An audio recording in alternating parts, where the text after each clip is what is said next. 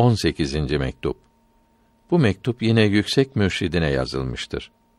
Telvinden sonra olan temkini, vilayetin üç mertebesini ve vücud-i Teala'nın zat-ı Teala'dan ayrı olduğu bildirilmektedir.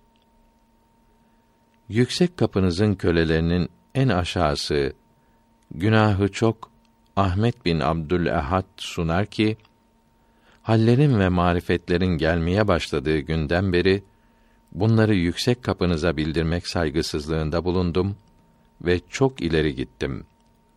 Allahü Teala yüksek teveccühlerinizin yardımıyla hallere bağlı kalmaktan kurtardı. Telvinden temkine kavuşturdu. Yani değişik hallerden kurtarıp sükûnete kavuşturdu. Şimdi hayret, şaşkınlık ve üzüntüden başka elime hiçbir şey geçmiyor. Vasl yerine fasl ve kurp yerine but hasıl oldu. Marifetler kalmadı.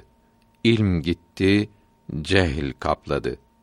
Bu şaşkınlıkla mektup da yazılamaz oldu.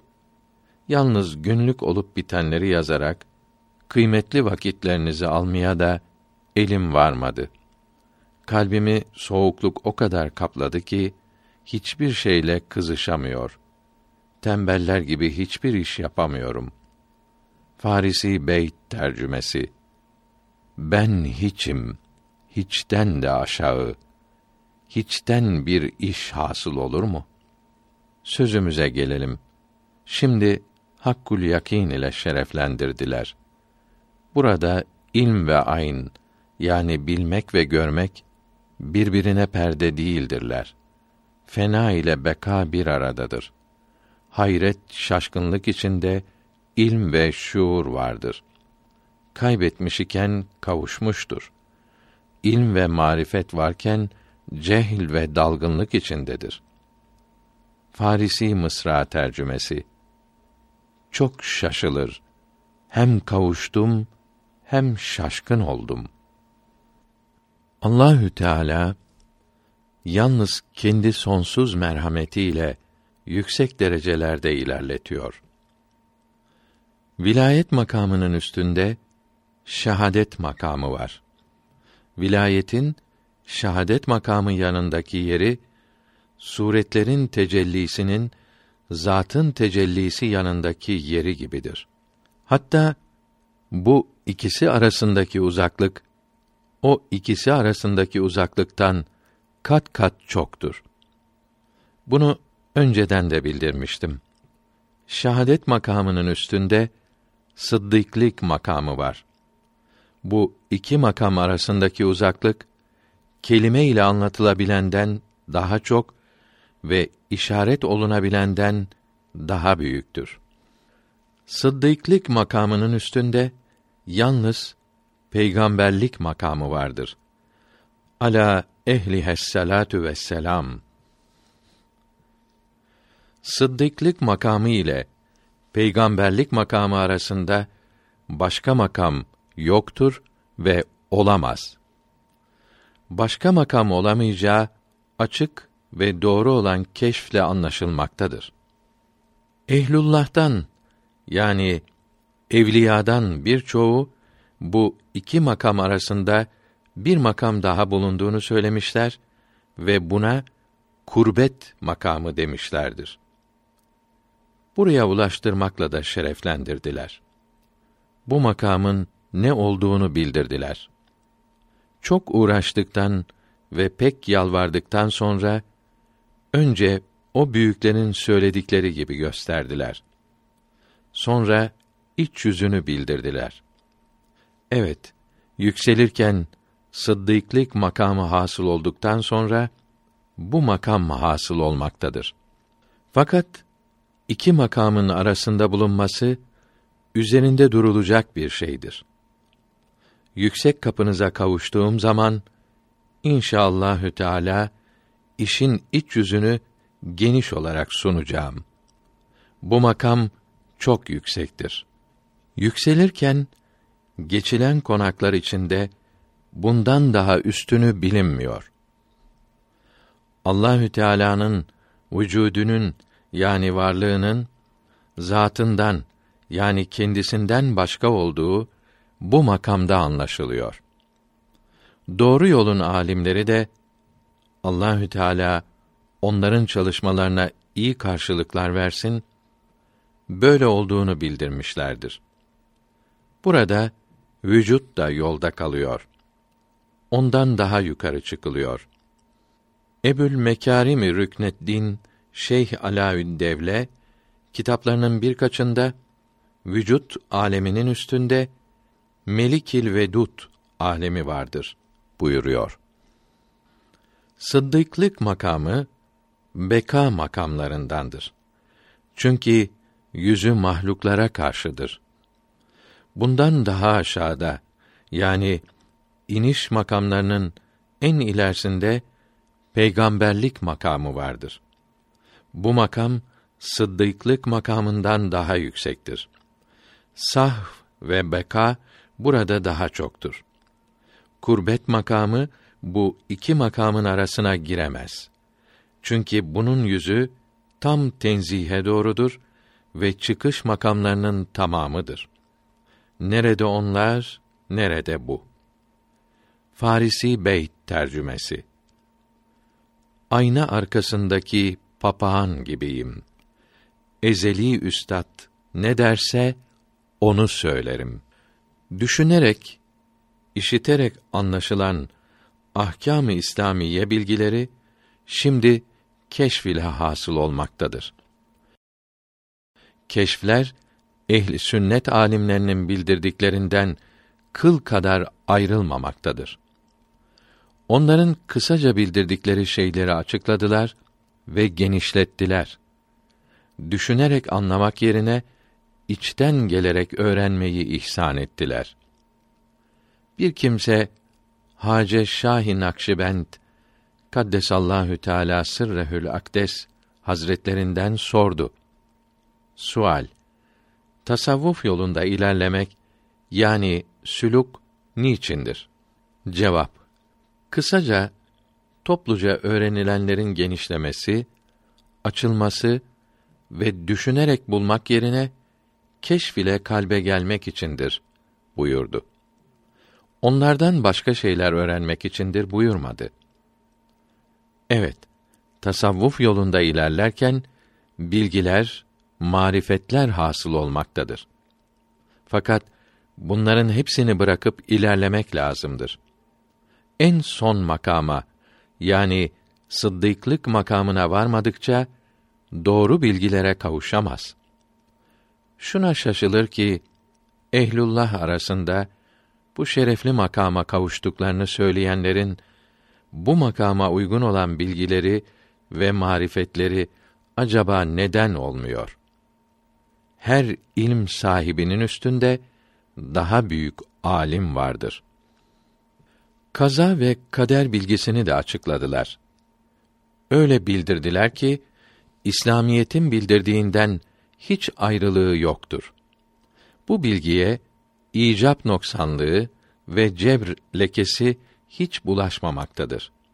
Bu bilgi ayın on dördündeki ay gibi açık anlaşılmaktadır. İslamiyetin bildirdiğine hiç uygunsuz olmadığı halde bu bilgiyi niçin herkesten gizlediklerine şaşıyorum. Eğer dini İslam'a uygun olmasaydı o zaman örtmeleri, saklamaları uygun olurdu. Ne yaptığından sual olunmaz. Farisi Beyt tercümesi Onun korkusundan kim ne yapabilir? Teslim olmaktan başka ne diyebilir?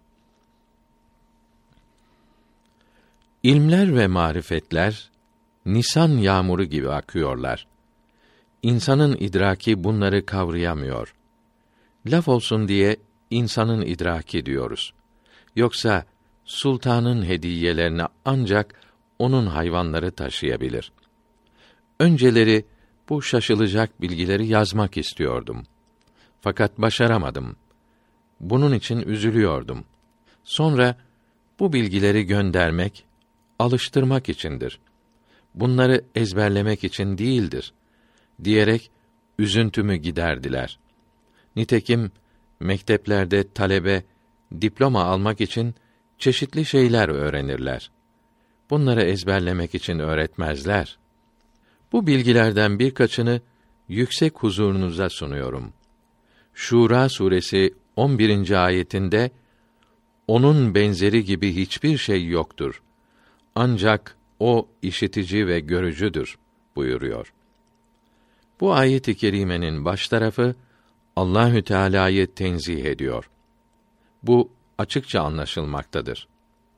O işiticidir, görücüdür buyurması da bu tenzihi tamamlamakta ve kuvvetlendirmektedir. Şöyle ki mahluklarda da görmek ve işitmek vardır. Mahlukların bu iki duygusu Allahü Teala'nın işitmesi ve görmesi gibi sanılabilir.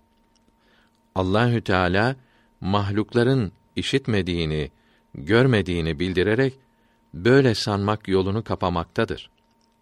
Bu ayet-i kerimede işitici ve görücü yalnız odur. Mahluklarda yaratılmış olan kulak ve göz işitmekte ve görmekte hiç rol oynamaz. Allahü Teala kulağı ve gözü yarattığı gibi işitmeyi ve görmeyi de yaratmaktadır.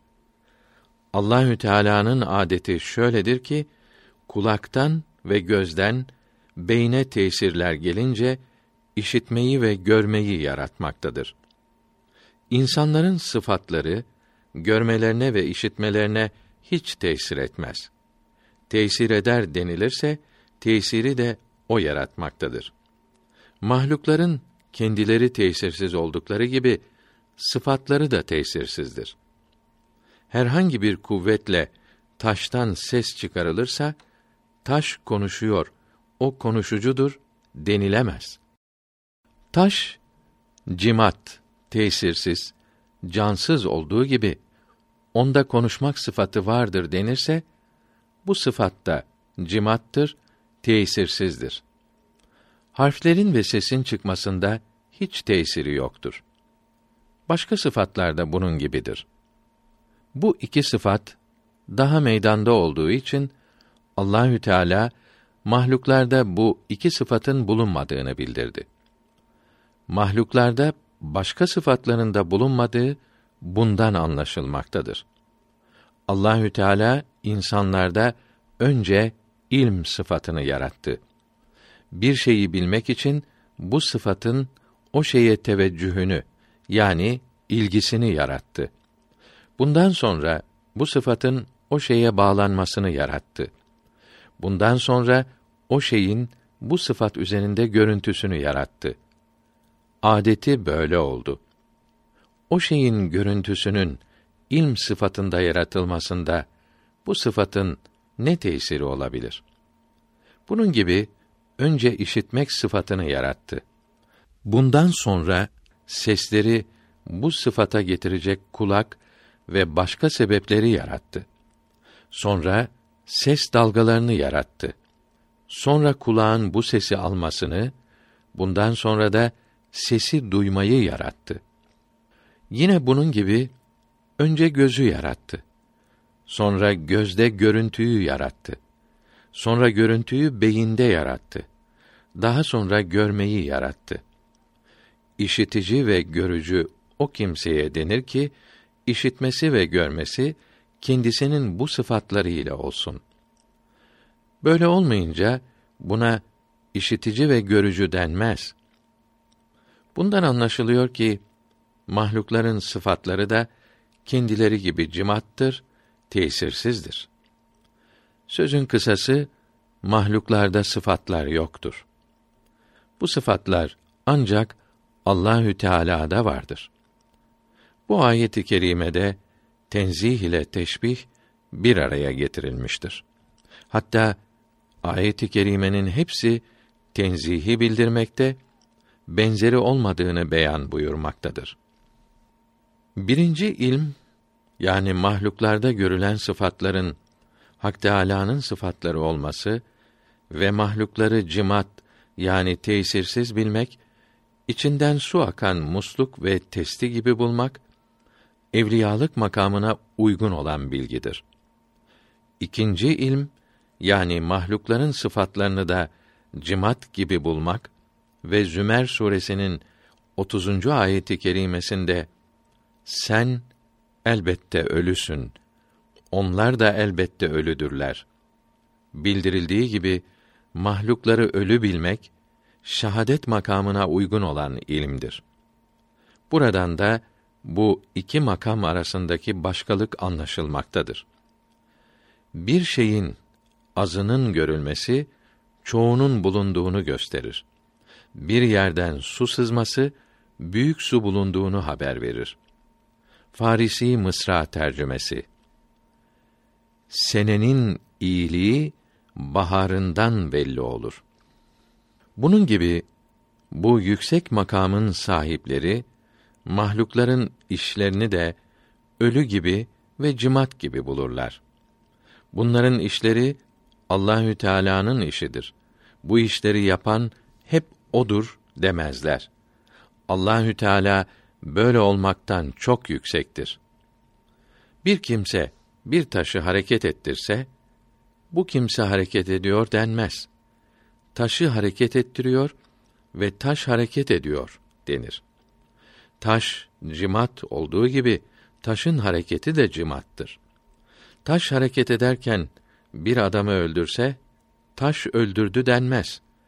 Taşı hareket ettiren kimse öldürdü denir. Ehli sünnet alimleri Allahü Teala sayehum de böyle söylemişlerdir. Bunlar mahlukların yaptıkları işler kendi iradeleri ve ihtiyarları ile olmakla beraber bunları Allahü Teala yaratmaktadır. Bunları Allahü Teala'nın yaratmasında onların işlerinin hiç tesiri olmaz. Onların işleri birkaç harekettir. İşlerin yapılmasında bu hareketlerin tesiri olmaz. Sual Böyle olunca kulların işlerine sevap ve azap yapılması doğru olmaz. Bir taşa emir vermek ve onun hareketlerine sevap ve azap yapmak gibi olur. Cevap Taşın hareketiyle insanların hareketi başka başkadır. İnsanlara din gönderilmesi ve emirler, yasaklar yapılması onlarda kudret ve irade bulunduğu içindir. Taşta enerji varsa da irade yoktur. Fakat insanların iradesini de Allahü Teala yarattığı için ve bu iradenin işin yapılmasında tesiri olmadığı için bu iradeleri de ölü gibidir. İradenin yalnız şu kadar tesiri vardır ki iş kulun iradesinden sonra yaratılmaktadır. Allahü Teala'nın adeti böyledir. İnsanların kudreti tesir ediyor denirse, kudretteki bu tesirini de Allahü Teala yaratmaktadır. Kudreti yarattığı gibi bunun tesirini de yaratmaktadır. Maveraün Nehir alimleri kudret tesir eder dediler ise de bu tesirde kudretin ihtiyarı hiç yoktur. Tesiri cansızın hareketi gibidir. Bir kimse yukarıdan atılan bir taşın bir hayvanı öldürdüğünü görse, bu kimse taşın cimat, cansız olduğunu bildiği gibi onun hareketini ve bu hareket enerjisinin öldürmesini de cimat bilir. Görülüyor ki mahlukların kendileri de, sıfatları da ve işleri de hep cimattırlar, ölüdürler. Diri olan, her şeyi varlıkta durduran, işitici, görücü, bilici olan ve her dilediğini yapan yalnız Allahü Teala'dır. Kehf suresinin 110. ayeti kerimesinde Ey sevgili peygamberim onlara söyle Rabbinin kelimelerini yazmak için deniz mürekkep olsa Rabbinin kelimeleri bitmeden o deniz ve onun gibi bir daha deniz biterler buyuruldu. Çok saygısızlık yaptım. Sonsuz atılganlık yaptım. Ne yapayım? Her bakımdan güzel olanı anlatan söz de güzel olduğu için ne kadar uzarsa o kadar tatlı oluyor. Onu anlatan sözler güzel oluyor. Allahü Teala'dan konuşmaya ve onun yüce adını dilime almaya hiç layık değil isem de kendimi tutamıyorum. Farisi Beyt tercümesi Ağzımı gül suyu ile binlerce yıkasam ismini söylemeye yine layık olamam. Farisi Mısra tercümesi Köle olan haddini bilmelidir. Yüksek teveccüh ve ihsanlarınıza sığınıyorum. Çürüklüğümü, aşağılığımı nasıl bildireyim? Her gelen lütuflar, ihsanlar yüksek teveccüh ve merhametinizden hasıl olmaktadır. Yoksa Farisi Mısra tercümesi Ben hep o eski Ahmedim. Meyan Şah Hüseyin tevhid-i vücudi yolundadır. Bundan çok tat almaktadır. Onu bu yoldan çıkararak hayret makamına kavuşturmak istiyorum. Çünkü maksat oraya kavuşmaktır. Muhammed Sadık küçük olduğu için kendini hiç tutamıyor. Eğer yolculukta yanımızda bulunursa çok terakki edecektir. Dameni kuh yani dağ eteği denilen yere giderken yanımızdaydı. Çok şeyler kazandı. Hayret makamına kavuştu. Bu makamda fakire çok benzemektedir. Şeyh Nur da bu makamda çok ilerledi. Bu fakirin yakınlarından bir genç vardır. Onun hali çok yüksektir. Tecelliyat-ı berkiyeye yaklaştı. Yaratılışı buna çok uygundur. Geçti isyan ile ömrüm. Neye halim varacak? Sızlıyor yaralı gönlüm. Onu yoktur saracak. Mahşer yerinde zebaniler elinden yara eğer etmezsen inayet beni kim kurtaracak?